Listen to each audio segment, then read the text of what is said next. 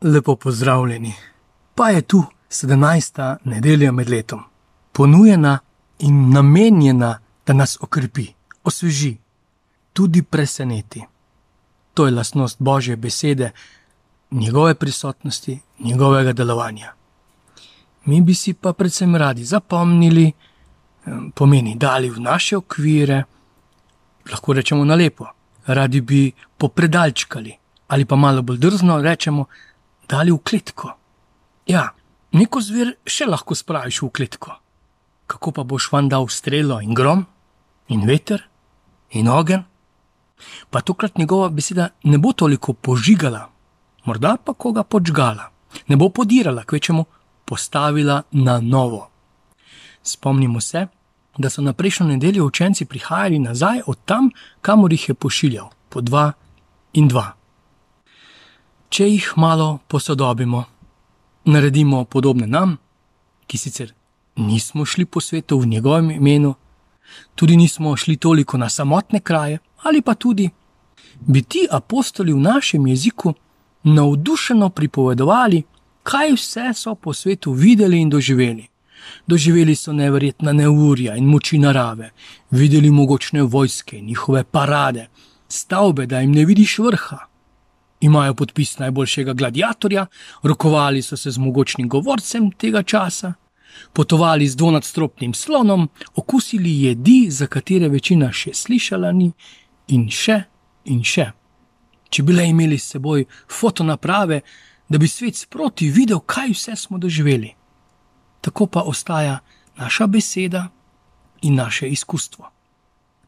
Toda apostoli niti z eno besedo ne opišajo ne krajev, ne mogočnih in pomembnih srečanj, spregovorijo pa o moči oznanila, o čudežih ozdravljenja in ozdravitvah, o moči besede v sporih, odpuščanju, osvoboditvah, predvsem pa izganjanju hudega duha, spreobrnenju in navdušenju nad tem, kaj vse se je dogajalo v Gospodovem imenu. Ko se sedaj v najbolj pravovernih krščanskih krogih pogovarjamo o premestitvah duhovnikov in modrujemo, zakaj je to dobro in zakaj ne, in kdo da več, še bolj pravoverni o novem veručnem letu in upanju, da se vrnemo nazaj med veručne klopi. Pa še o raznih lepih nedeljah in mini romanih, in verjetno še o kakšnih obnovah, kako pak? Ja, začutimo na sebi Jezusov usmiljen pogled, ki pa tokrat ni namenjen množicam, ampak bolj nam.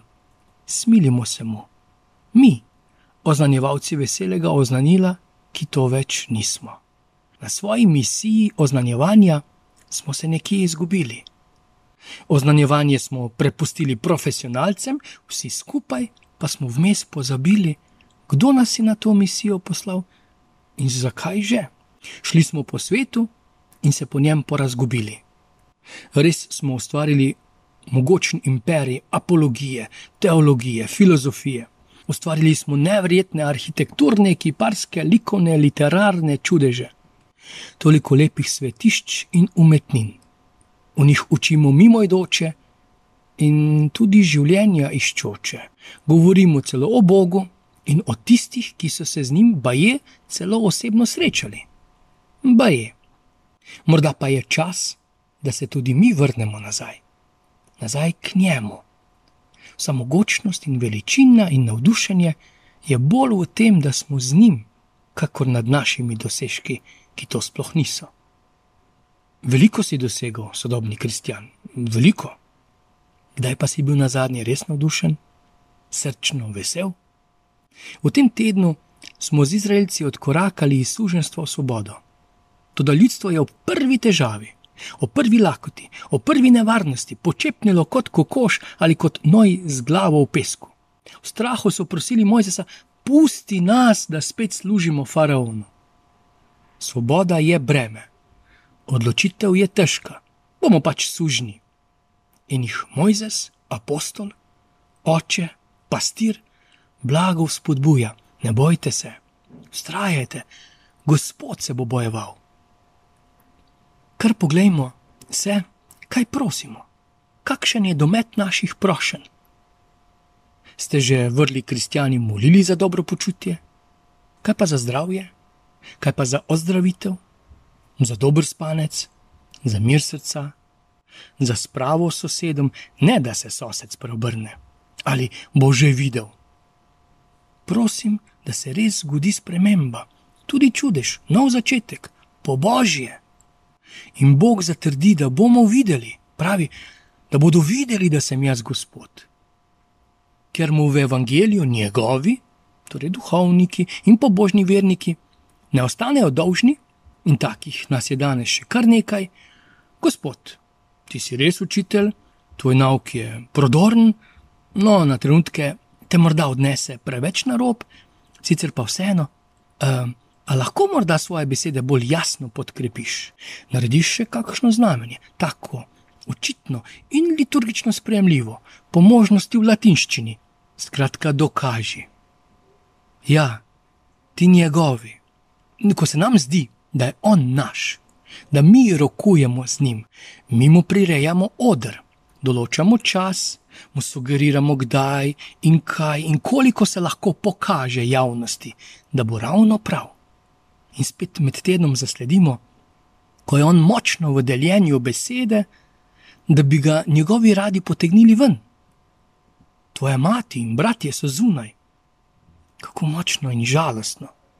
Če bi od koga pričakoval, da bi bili vsaj ob njem, če ne že in, pa so zunaj. Na drugem mestu so ga celo imeli za prismuknjenega, da ne uporabim trše besede, njegovi. Torej, ti, ti in jaz. Žal. In ravno mi dva godrnjava. Po eni strani kličeva gospoda, da naj pomaga, pa zakaj se vse to dogaja v svetu? Ko pa se začne proces osvoboditve, ki bo trajal, ta pot iz Egipta je vendar pot življenja, po drugi strani pa nam zato to ni več tako všeč. On vabi v svobodo, ta svoboda pa terja odgovornost, odgovornost pa prave odločitve. Spominjam se, ko smo z možakari pred nekaj leti prvič živeli dokaj strogi ali pa vsaj jasen post 90 dni, torej vsakodnevna božja beseda, odpoved alkoholnim pijačam, sladicam, hladen tuš, zadosti spanja, nič televizije in še nekaj uh, jasnih navodil, smo se držali in se vzpodbujali, se podpirali, si pomagali. Toda težava je nastopila po veliki noči, večja, ko ni bilo več teh pravil, ko smo si morali sami svobodno zastaviti meje, ko ni bilo več določeno, ali smem pojesti tortico ali ne, dva kosa ali celo pogačo. In k tej odgovornosti in svobodi nas kliče Gospod, k velikodušnemu zaupanju, da bi mu res iz srca lahko zaklicali: Tvoje besede, Gospod, bomo spolnjevali, živeli in oznanjali. Potem nas ne bo strah negotovosti praznih košar kruha in rib.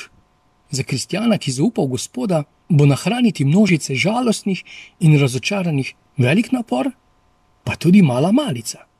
Le ne pozabimo, da nas pošilja On, da vse to delamo v njegovem imenu in da se ne pozabimo vračati nazaj k njemu. Navdušenje je vedno v njegovi bližini pa vam res želim, da bi si upali prositi in izprositi čudežev. Blagoslova, vse dobro.